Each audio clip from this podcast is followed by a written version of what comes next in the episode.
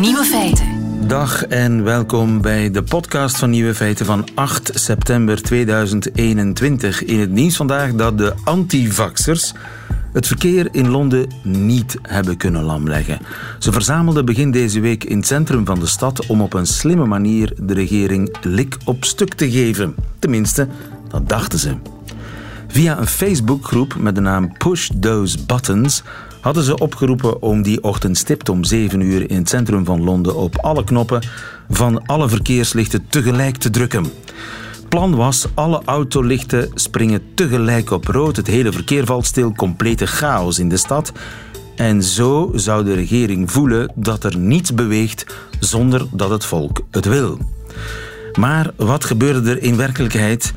Helemaal niets. De verkeerslichten in Londen zijn namelijk volledig geautomatiseerd. Op die knoppen duwen heeft dus geen enkel effect. Tja, hoe zit dat in ons uh, steden eigenlijk? Dat moeten we later eens uitzoeken. Hoe dan ook, het verkeer kon dus gewoon rustig doorrijden en de antivaxers die hebben allicht een complottheorie meer. De andere nieuwe feiten vandaag. Dubbelgangers moeten oppositiekandidaten de wind uit de zeilen nemen bij verkiezingen in Rusland. Schorpioenen die hebben een wonderbaarlijke staart. En mannen mogen mompelen, vrouwen niet. Dat in Nieuw-Zeeland Tinder gebruikt wordt waarvoor het niet bedoeld is, blijkt in de woensdagquiz. En de nieuwe feiten van Jo van Castiel hoort u in haar middagjournaal. Veel plezier. Feiten. Verkiezingen in Rusland over een dikke week. En uh, wie voor Boris Wisniewski wil stemmen, die heeft het niet gemakkelijk, want er staan er drie op het stembiljet. Drie Borissen Wisniewski. Jan Baljou heeft ze meegebracht. Dag Jan. Goedemiddag. Rusland-kenner van VRT Nieuws. Ik kan ze helaas niet laten zien aan de microfoon, maar het rare is ook dat die Boris en Wisniewski ook bijzonder sterk op elkaar lijken. Ja, ten eerste, um, er is er één echte. Hè? De Boris uh, Lazarevich Wisniewski. In Rusland werken ze met een vadersnaam. En dat is het enige onderscheid dat er nog is tussen die drie Boris Wisniewski. Dus er zijn drie namen. Een voornaam, een familienaam en een, va en een vadernaam. vadernaam. Ja, dus de Lazarevich is de echte. En de andere twee zijn ja, mensen die hun naam hebben veranderd naar Boris Wisniewski. En die niet alleen hun naam hebben veranderd, maar ook hun uiterlijk hebben veranderd. Ze hebben bijvoorbeeld een baard laten groeien, waardoor ze uh, lijken op die oorspronkelijke Boris Wisniewski. Waarom hebben ze dat gedaan? Omdat Boris Wisniewski in Sint-Petersburg is een bekende oppositiepoliticus voor een uh, oppositiepartij Jableke heeft een duidelijke stem in het verleden uh, tegen, uitgesproken tegen het Kremlin. En dus die zijn herverkiezing voor het lokale parlement wordt op deze manier, uh, probeert men op deze manier te bemoeilijken, omdat de mensen natuurlijk in verwarring gaan zijn van wie is de echte. Jeetje. Ja. Dus het zou zijn alsof de partij Groen met een Alexander de Croo op de proppen komt. Inderdaad, niet één, maar drie. Om mensen in de war te brengen. Ja. En eh, ze rekenen erop dat er mensen op de fake Boris gaan stemmen. Ja, dus zodanig dat de stemmen op de, van de echte Boris Wisniewski worden afgevloeid, uh, gaan, weggaan naar, naar de fake. Enfin, het zijn geen fake, het zijn ook echte kandidaten, maar natuurlijk, ze komen niet op voor een oppositiepartij, maar voor de regeringspartij Verenigd uh, Rusland. Het zijn echte kandidaten. Het, is op dit moment hun echte officiële naam. Ze hebben hun naam laten veranderen. Ze hebben hun naam laten veranderen en ze hebben hun baard laten staan, ja. wat ook mag. Dus eigenlijk officieel is er geen vuiltje aan de er rug. Is niets aan de hand. Het enige verschil dat er nog is, is die vadersnaam. Hè. Dus je hebt Lazarevich, is de echte. Ivanovic en uh, dat zijn de twee ja. fake kandidaten. Oké, okay, maar ik wil maar zeggen, dit is een truc van de voor binnen de wet. Alles is... Uh, perfect wettelijk. Uh, en dat is heel typisch voor Rusland. Uh, alles is altijd binnen het kader van de wet, maar het is altijd het extreme kader. Hè. Men, tast de randen van de wetgeving af om bijvoorbeeld het in deze verkiezingen oppositiekandidaten zo moeilijk mogelijk te maken. Het gaat dan overigens niet om echte oppositiekandidaten. Want je hebt in Rusland de zogenaamde systeemoppositie.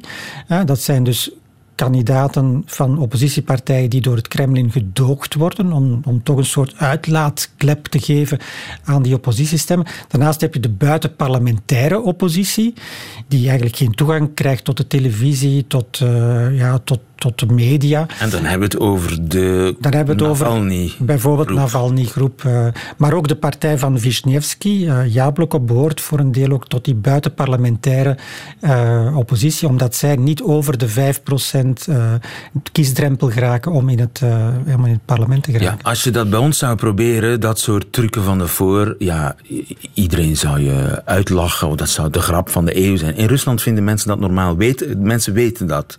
Um, ja, normaal. Wat is normaal natuurlijk? Hè? Um, je, je, kan alleen maar in Rusland, de enige die, die daartegen kan optreden, is de Centrale Verkiezingscommissie maar die volgt de lijn van het Kremlin. En dit is duidelijk uh, gebeurd, ja, niet misschien met uitdrukkelijke toestemming van het Kremlin, maar toch met uh, instemming van, van de overheid, laten we zeggen, in Rusland. Dus die Centrale Verkiezingscommissie gaat hier niet tegen ageren. Ook al is dit natuurlijk, ja, kun je daar toch wel heel wat twijfels over. over en die fake Borissen, zullen die veel stemmen krijgen, denk je?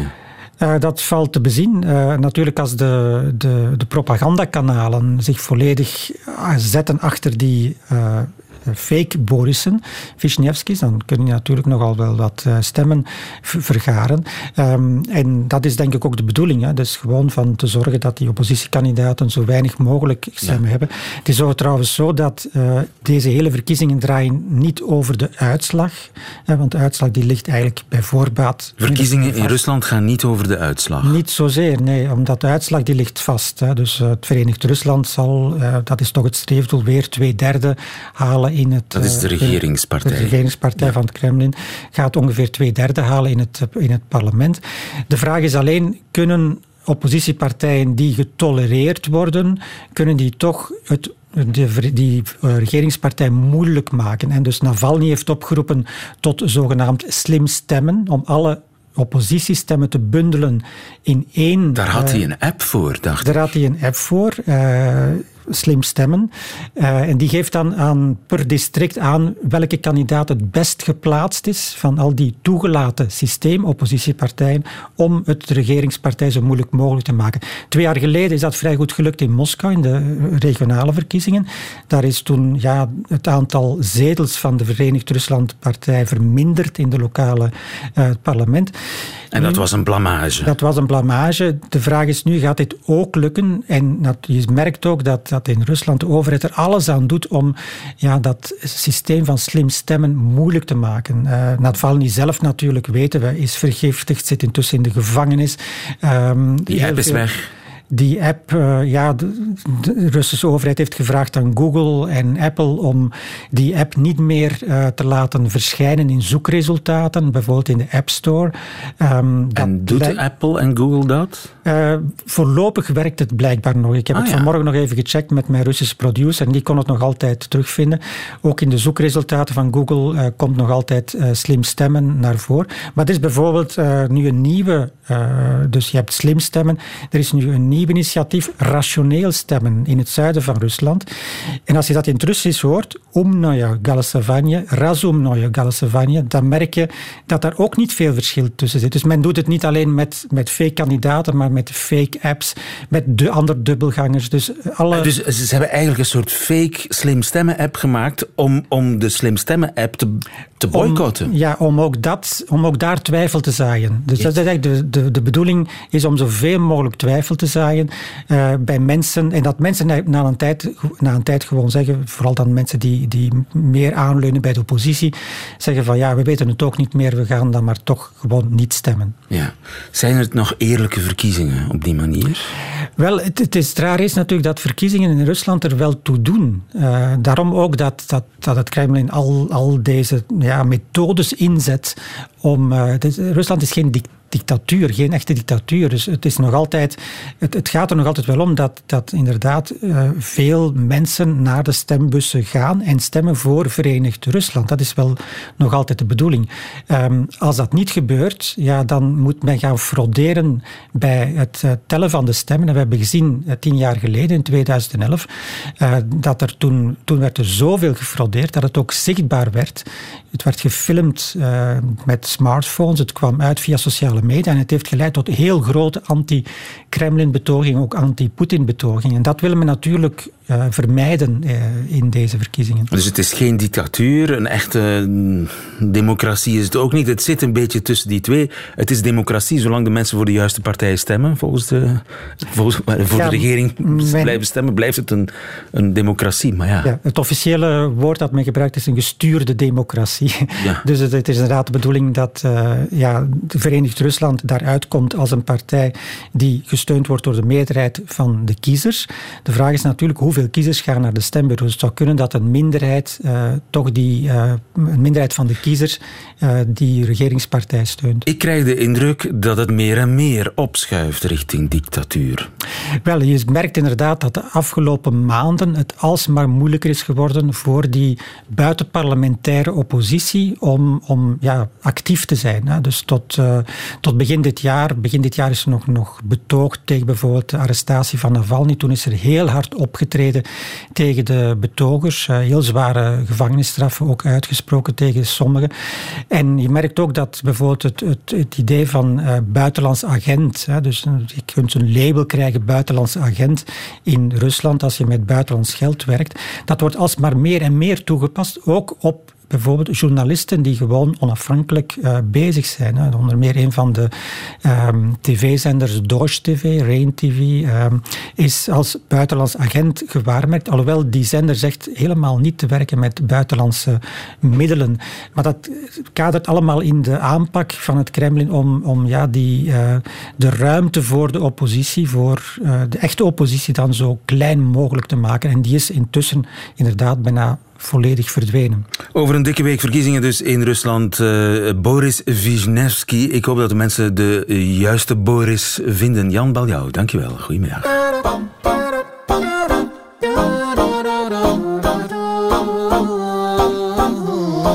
Nieuwe feiten. Schokkende vaststelling. Mannen die mogen kennelijk mompelen. Vrouwen mogen dat niet. Tot deze verbijsterende conclusie komen onderzoekers in Amerika. Mark van Oostendorp, goedemiddag. Goedemiddag. Onze favoriete taalkundige. In Amerika is dus de invloed onderzocht van mompelen op de aantrekkelijkheid van de stem. Ja, precies. Dus mompelen, dus onduidelijk spreken. Dus... Versus duidelijk articuleren, klaar en helder spreken. Ja, dus dat, dat, met dat laatste, daar ging het met name om. Dus alle klanken goed van elkaar onderscheiden. En dan was de vraag, maakt dat iemand aantrekkelijker of niet? En dan met name maakt het vrouwen aantrekkelijker en of maakt het mannen aantrekkelijker. En dus ze hebben allerlei opnames laten horen aan een testpubliek. Ja, ja dus uh, wat je dan doet bij zo'n uh, experiment is je laat inderdaad opnames horen van dezelfde mannen en vrouwen. Die soms uh, duidelijk spreken en soms wat minder duidelijk. En dan uh, stel je mensen vragen daarover. En je stelt ze eigenlijk vragen over die persoon. Dus je vraagt niet rechtstreeks naar wat vindt u ervan dat deze persoon mompelt. Dat laat je eigenlijk een beetje in het midden. Maar je vraagt, lijkt je dit ja, een aantrekkelijke persoon? Zou je met deze persoon wel eens een keer uh, uit eten willen gaan, zal ik maar zeggen? Ja, ja. En ja, mensen weten niet dat het over hun taal gaat, maar ze reageren daar duidelijk wel op. Want als je dezelfde persoon hoort die wat meer mompelt, dan reageer je daar misschien anders op dan als je diezelfde persoon heel duidelijk hoort. Uh, Oké. Uh, en dus uh, vrouwen die begonnen te mompelen, die werden meteen afgestraft. Daar wou niemand nog mee daten. dat is een beetje sterk, maar er was wel een. ja, nee, nee, daar had niks meer mee te maken te hebben. Ja, het zal, het zal ervan afhangen hoeveel je mompelt. Nee, maar vrouwen, was, daar was inderdaad, ja, die waren wat. wat die, die werden afgestraft, zou je kunnen zeggen. Ja, en, en eh, mompelende mannen, die, dat, dat, uh, dat stoorde eigenlijk niet. Nee, dus dat is heel Maakt geen verschil. Dus bij mannen maakt het eigenlijk niet uit. Ja, je zou kunnen zeggen, je, je hoeft toch niet te luisteren. Uh, maar bij mannen maakt het geen verschil. Nee, het maakt geen verschil hoe ze het precies articuleren. Ja, veel hebben ze toch niet te zeggen. Inderdaad. Maar laten we eens even de proef doen. Want als ik denk mooie, mooie stemmen, mooie mannenstemmen bijvoorbeeld, dan denk ik in de eerste ja. plaats aan deze meneer Benedict Cumberbatch. It was a Wednesday evening in July. At the end of a day of straight-jacketing heat, and I sat next to the open window of our parlour at Baker Street, drinking in the air and hoping for the liberating ripple of a breeze. Ah, heerlijk toch? Ja. Kraakhelder. Ja, heel mooi. Wel, niet mompelend. Alles, alles zit goed aan deze stem, hè? Dit klinkt op het gehoor heel goed voor mij. Een andere merk, een mooie stem vind ik ook wel, is Al Pacino. Laten we Al Pacino een stukje Shakespeare voorlezen. Or I shall live your epitaph to make, or you survive when I in earth am rotten. From hence your memory death cannot take, although in me each part will be forgotten. Het is prachtig, maar het is ook een beetje uh, gemompel, een beetje gereutel, zou je zelfs kunnen zeggen. Ja, je moet je oren wel heel goed spitsen. Je moet er wel heel goed bij zijn. Dat is natuurlijk ook precies wat hij hier doet. Hij probeert je helemaal zijn stem in te trekken, juist door minder duidelijk uh, uh, te praten. Maar het zijn twee goede, mooie, extreme voorbeelden in het Engels, denk ik wel. Ja. In het Nederlands uh, heb ik, uh, denk ik bijvoorbeeld aan oud-collega René Gijzenberg, een naam die jou misschien niet zoveel zegt, Mark van Oostendorp. Maar René Gijzenberg was ooit de ster van Radio 1. Met name in het programma Van Minnen en Zinnenstrelend. Ik geloof dat het zelfs elke werkdag was. Na, na uh, het nieuws van één uur was er een soort ja, uh, middagrust die over het land nederdaalde. Met poëzie gelezen door René Gijzenberg. In deze kamer, waar ik werd geboren, behang is nieuw, maar heeft een oude schijn. En dit geluk heb ik in mijn jeugd verfoeid. Dit warme nest heb ik voor goed verlaten. Dit is toch een voorbeeld van hoe een mooie mannenstem toch niet al te duidelijk spreekt, hè? Nee, het is, dus het is waar dat hij, ook hij, ook dit, ook hier, mm, ja, allebei de voorbeelden die eh, van gemompel zijn dus ook tegelijkertijd poëtische voorbeelden. Van mensen die ja, misschien meer aandacht besteden aan de melodie van wat ze zeggen. En vooral ook zichzelf heel erg naar binnen keren. Hè? Dus uh, het is uh, voor, je, voor jezelf uitpraten. Ja. En dan krijg je misschien wel zo, zulk soort uh, gemompel. Ja, ik heb gezocht naar mooie mompelende vrouwenstemmen. En ik heb ze niet gevonden. Ik kom niet verder dan Zatterita. Maar wat moeide jij u eigenlijk? Jij zet de nagel van mijn doodskist. Jij maakt de mensen van alles wijs. En dat goed. Satarita is een uh, fictie. Dat is fictie, hè? Uh, Mark van Oostendorp was een, eh, een, een figuurtje uit een soap opera. Heel populair in Vlaanderen. Dat ik ze niet vind, mooie vrouwenstemmen die een beetje mompelen.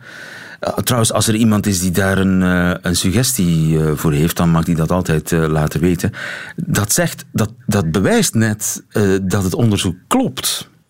Ja, en tegelijkertijd doet je dat dus ook denken aan wat zou daar nou precies de verklaring voor ja. zijn. Hè? Dus, uh, en die verklaring vinden de onderzoekers ook een beetje moeilijk te vinden. Dus zij, zij proberen te zeggen, ja, dat is aantrekkelijker, om duidelijk te spreken is aantrekkelijker uh, eigenlijk om, omdat je daarmee kan laten zien dat je goede genen hebt, zal ik maar zeggen. Dus dat je uh, echt je best doet en duidelijk uitspreekt. En dan is het natuurlijk een beetje de vraag: waarom geldt dat voor mannen niet?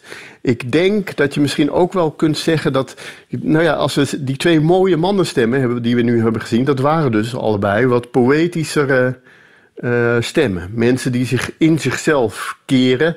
Kom maar naar mij toe, eigenlijk zeggen tegen de, uh, luisteraar. Doe je best maar voor mij. Mm -hmm. uh, en dan heb, ik je iets, um, dan heb ik je iets te bieden. En heel duidelijk spreken, dat is natuurlijk ook heel erg spreken gericht op de luisteraar. Je, je best doen voor uh, de luisteraar. Dus om zo mompelend te kunnen spreken en toch mooi gevonden te worden, ja, dat is toch daar moet je iets voor kunnen. Daar moet je toch eigenlijk zelf bewust voor zijn. Hè? Je moet echt zeggen, nou, uh, hier ben ik. Uh, je doet het er maar mee. Ja, maar... En je zou kunnen zeggen, misschien is dat iets wat mannen zich makkelijker kunnen permitteren dan vrouwen. Die zatte Rita, dat was nou juist niet zo heel erg Nee, dat was poëtisch. niet echt poëtisch en aantrekkelijk. zat. dat was Dat was- inderdaad zo. Nu, dat eh, een beetje bestudeerd slordig, dat is natuurlijk ook sexy in de kledij hè, voor een man. En, en is dat al wat moeilijker voor een vrouw? Misschien moeten we het ook in die richting eh, zien. Ja, dat, ik, het is, dat is denk ik, ja, dat, dat is, ik zou bijna zeggen van hetzelfde laken een pak.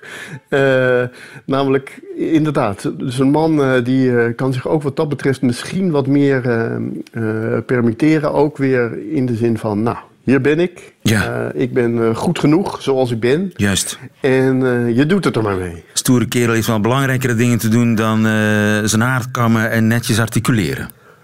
Nou, dus ik, ik ben eh, van huis uit ben ik dialectonderzoeker. En in, de, in het dialectonderzoek is dat ook al heel lang, echt al decennia, misschien al een eeuw lang de stelregel. Als je het echte, authentieke dialect wil bestuderen van een plaats, zoek dan naar een man en niet naar een vrouw. Want vrouwen zijn meer geneigd om zich aan te passen in hun taal.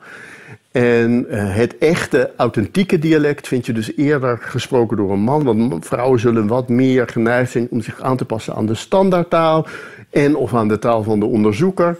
Eh, terwijl mannen hebben veel minder die neiging om zich eh, aan te passen. We weten ook ja. bijvoorbeeld dat vrouwen over het algemeen beter zijn in het leren van vreemde talen. En vooral de uitspraak van, eh, eh, van vreemde talen. Dus dat is het, ja, goed ik, Engels spreken. Hè? Dus nou, zo goed Engels spreken als eh, jouw eerste of zelfs jouw tweede spreker, dat lukt ons eh, nauwelijks. Maar we kunnen wel ons best doen. Maar je, ja, je gaat je dan toch een beetje aanstellen voor je gevoel. Hè? Als wij nu keurig Brits-Engels zouden willen spreken, dat voelt een beetje aanstellerig. Ja. En dat aanstellerige, dat doen mannen minder makkelijk, kennelijk, dan vrouwen. Ja. Vrouwen die zetten zich daar makkelijker eh, overheen. En Dus Oké. zijn er meer vrouwen met een goed accent dan mannen. Eh, dat zou dus ook een verklaring kunnen zijn voor het resultaat van het onderzoek in Amerika, waaruit blijkt dat mannen zich eh, meer kunnen permitteren in de mompelsector. Mannen mogen mompelen, vrouwen niet. Mark van Oostendorp, dankjewel. Goedemiddag. Goedemiddag.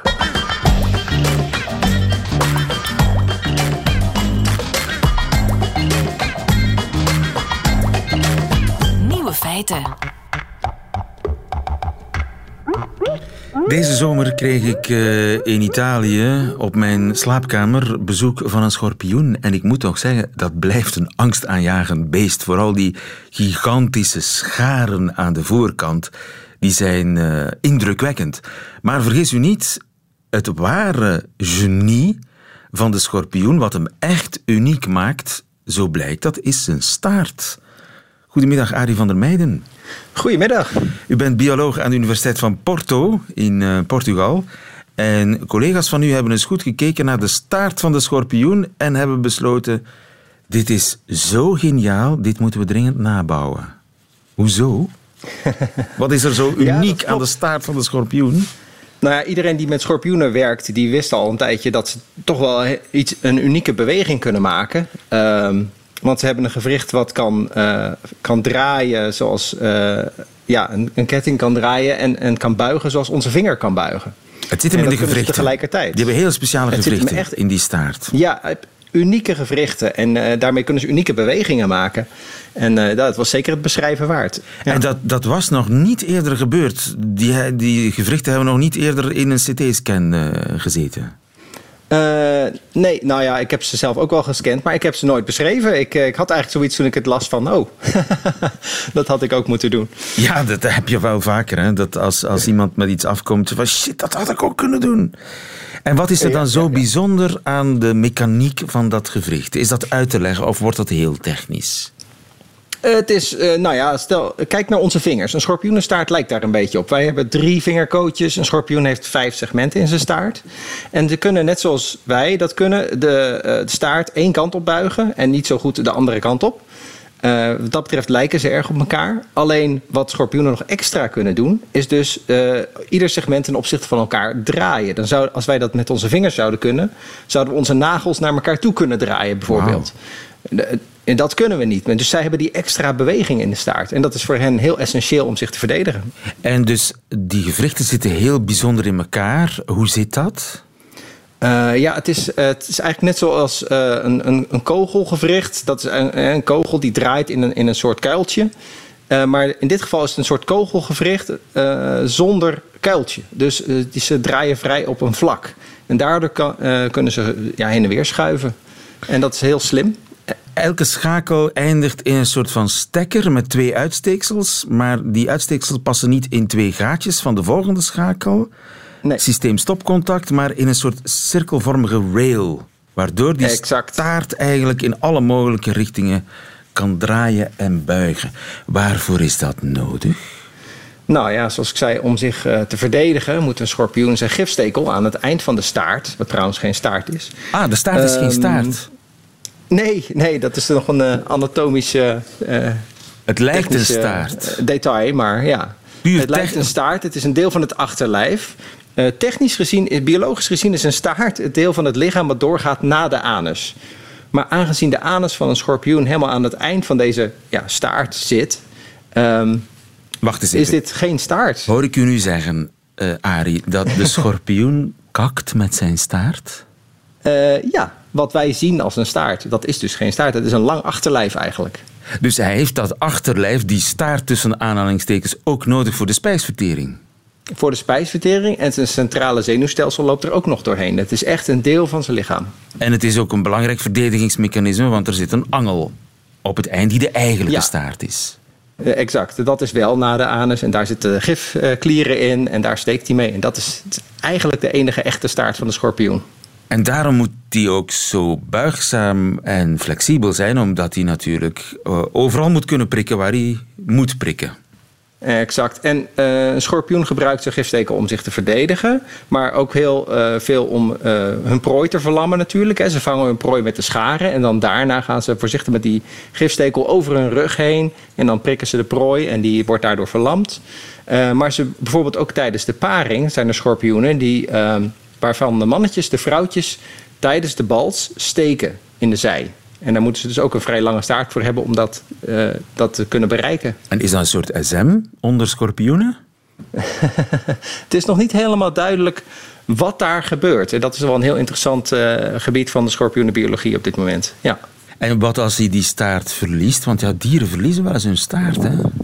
Ja, nou ja, een deel van je lijf verliezen is natuurlijk uh, voor de meeste dieren een, uh, een dodelijk probleem. Uh, maar er zijn schorpioenen in Zuid-Amerika die kunnen een deel van hun staart verliezen en gewoon doorleven. En dat is vrij bijzonder, want dan hebben ze dus geen anus meer, kunnen ze niet, niet meer ontlasten. Ze kunnen niet meer naar het toilet en leven toch door.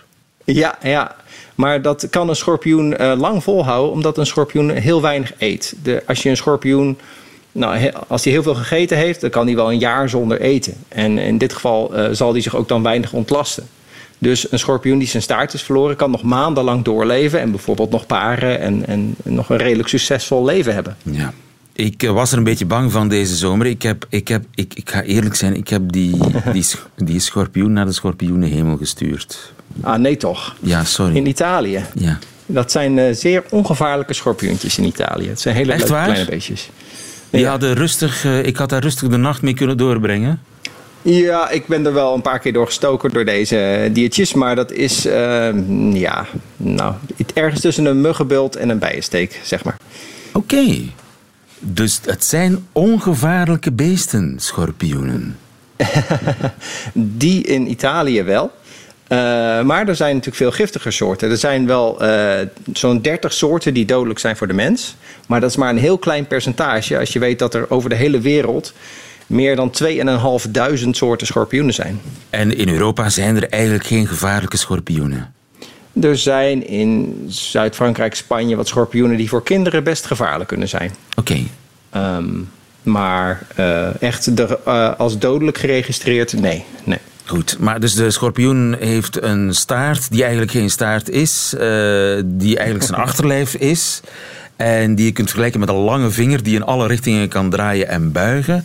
De, de onderzoekers die dat hebben bestudeerd, die zijn zo enthousiast. Die denken, dit, dit kan allerlei toepassingen hebben voor de mens. Voor de, de, de, de robotica die nog moet gebouwd worden. Klopt Nou dat, zeker, want het is natuurlijk heel eh, essentieel voor die schorpioen. Eh, door die ja, staart loopt dus ook nog zijn darm en er lopen spieren en bloedvaten en een zenuwstelsel. En dat kan niet afgesloten worden als hij buigt of als hij draait. Dus de schorpioen heeft een oplossing gevonden waarbij eh, buizen zeg maar open kunnen blijven terwijl het buigt en draait. En dat is natuurlijk technisch wel interessant. En het is ook een, een hard materiaal aan de buitenkant. Dus je kan een soort stevige, onsamendrukbare buis maken die over een bepaalde hoek kan draaien en buigen. Ja, wonderrobotarmen kunnen we bouwen met dank aan eh, de schorpioen die voor het origineel heeft gezorgd. Exact. Diep respect dus voor de schorpioen. Arie van der Meijden, dankjewel. Goedemiddag. Graag gedaan, tot ziens.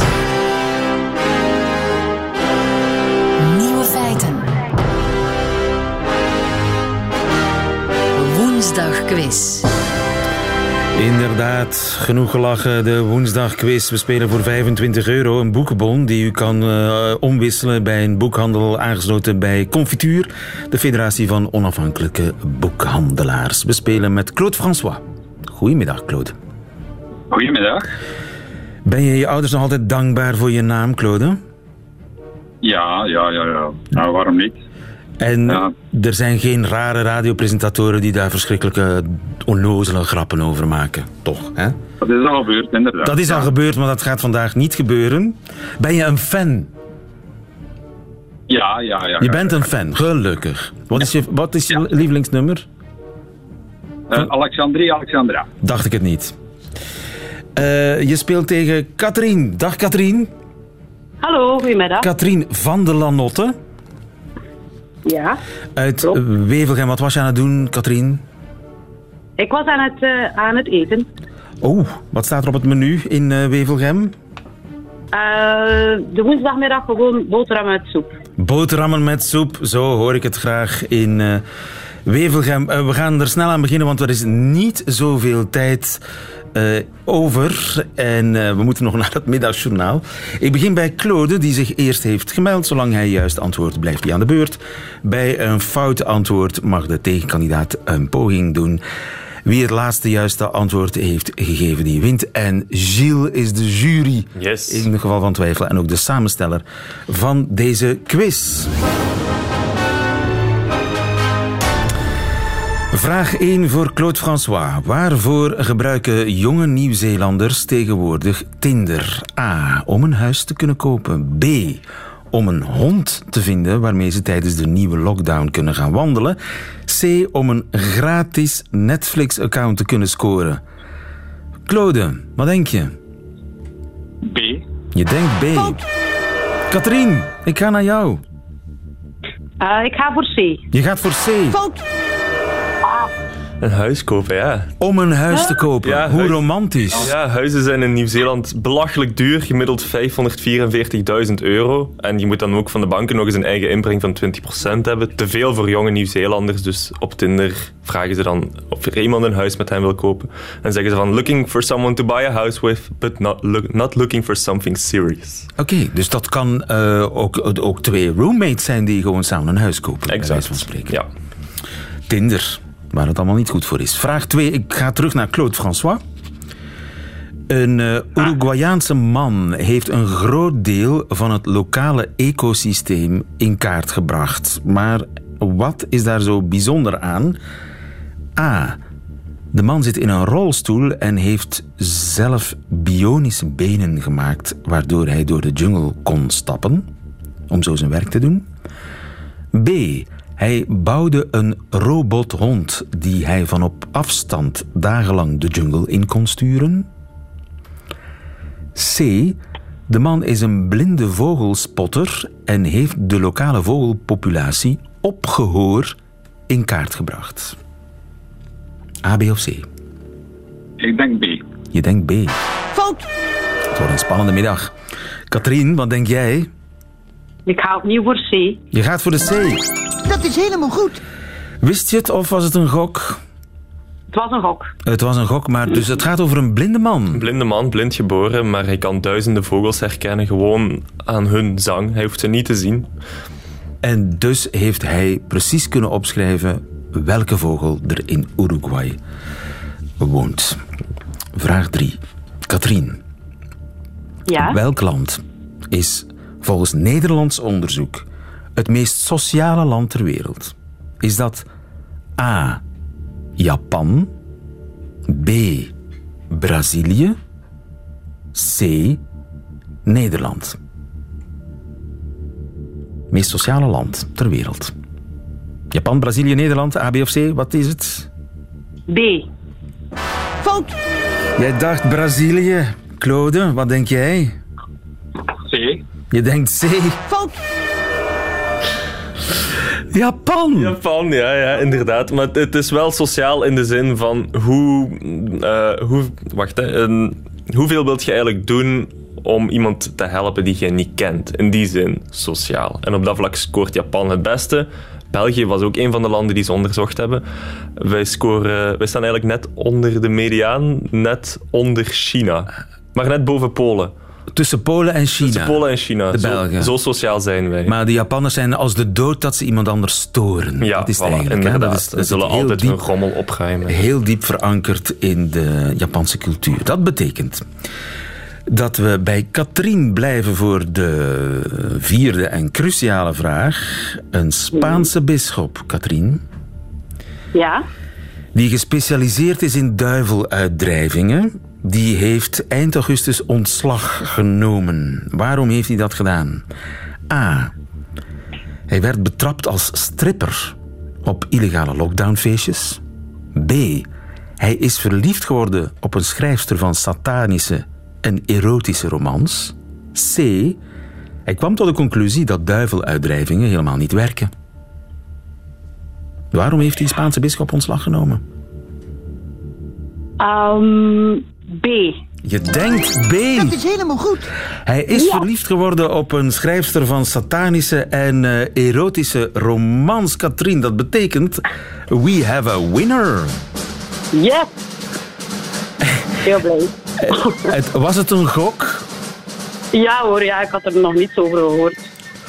Ja, het was een gok en eh, het was goed gegokt, hè, Het is goed gegokt. Hij is, eh, heeft zijn celibaat opgezegd.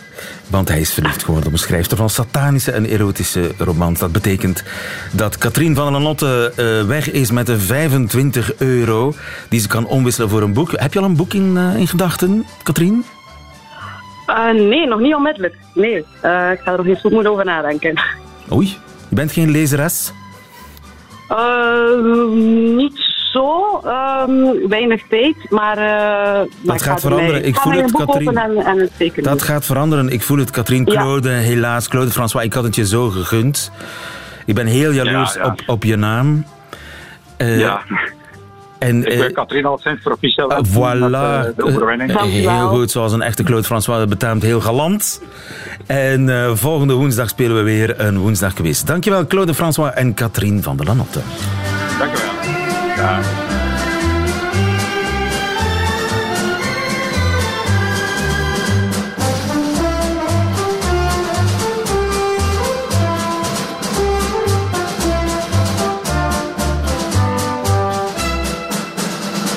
Dat waren ze, de nieuwe feiten van 8 september 2021.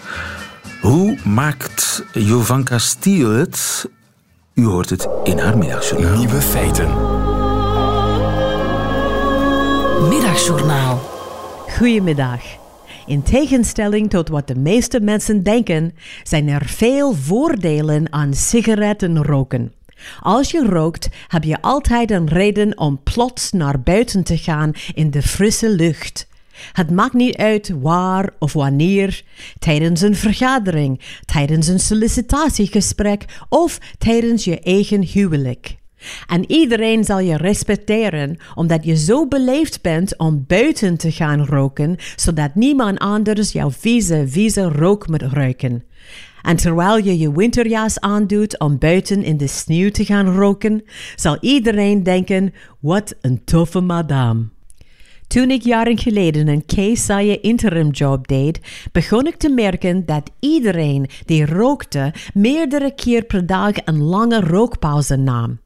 Op een dag telde ik eens hoeveel keer en hoe lang al die rokers weg waren en ik ontdekte dat elke roker ongeveer 2,5 uur weg was van zijn of haar bureau. Ik rookte zelf niet, maar ik dacht: wauw, ik wil ook zoveel pauzes nemen. En dus begon ik dat te doen. Elk uur of zo stond ik op, deed ik mijn jas aan en ging ik naar buiten, terwijl iedereen naar mij glimlachte alsof ik een heel beleefde roker was. Wat een toffe madame. Ik ging gewoon wandelen en het was leuk. Na elke verzonnen rookpauze had ik meer energie om mijn werk te doen en werd ik productiever dan ooit. Op een dag werd ik bij de kantoorchef geroepen. Oei, is er een probleem met mijn werk? vroeg ik. Nee, jouw werk is beter dan ooit. Het probleem is dat je meerdere keren per dag gewoon naar buiten gaat en dat is tegen de regels. Maar, antwoordde ik, ik ga toch niet vaker buiten dan de mensen die een rookpauze nemen? Dat is anders. Zij zijn aan het roken. Dus, zei ik, als ik het goed begrijp, mag ik als niet-roker geen pauze nemen. Maar voor mensen die roken is dat allemaal geen probleem? Inderdaad, zei hij. Blij dat we elkaar begrepen, Jovanka. De volgende dag voor mijn werk kocht ik een pak sigaretten en een aansteker. En later, als ik naar buiten ging, wandelde ik langs het kantoor van de kantoorchef en toonde ik hem met een glimlach mijn sigaretten. En hij glimlachte terug en gaf mij zelfs een thumbs up. En ik kon zien dat hij gelukkiger was dat ik nu blijkbaar een roker was geworden dan dat ik een belangrijke kantoorregel zou breken en iedereen op kantoor vond mij een superbeleefde, toffe madame. Tot morgen.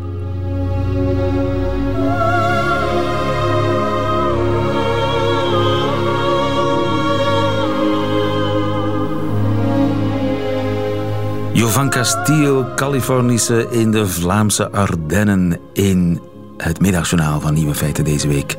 Waarvoor dank einde van deze Nieuwe Feiten podcast. Hoort u liever de volledige uitzending, dan kunt u natuurlijk terecht op de website of op de app van Radio 1. Tot een volgende keer.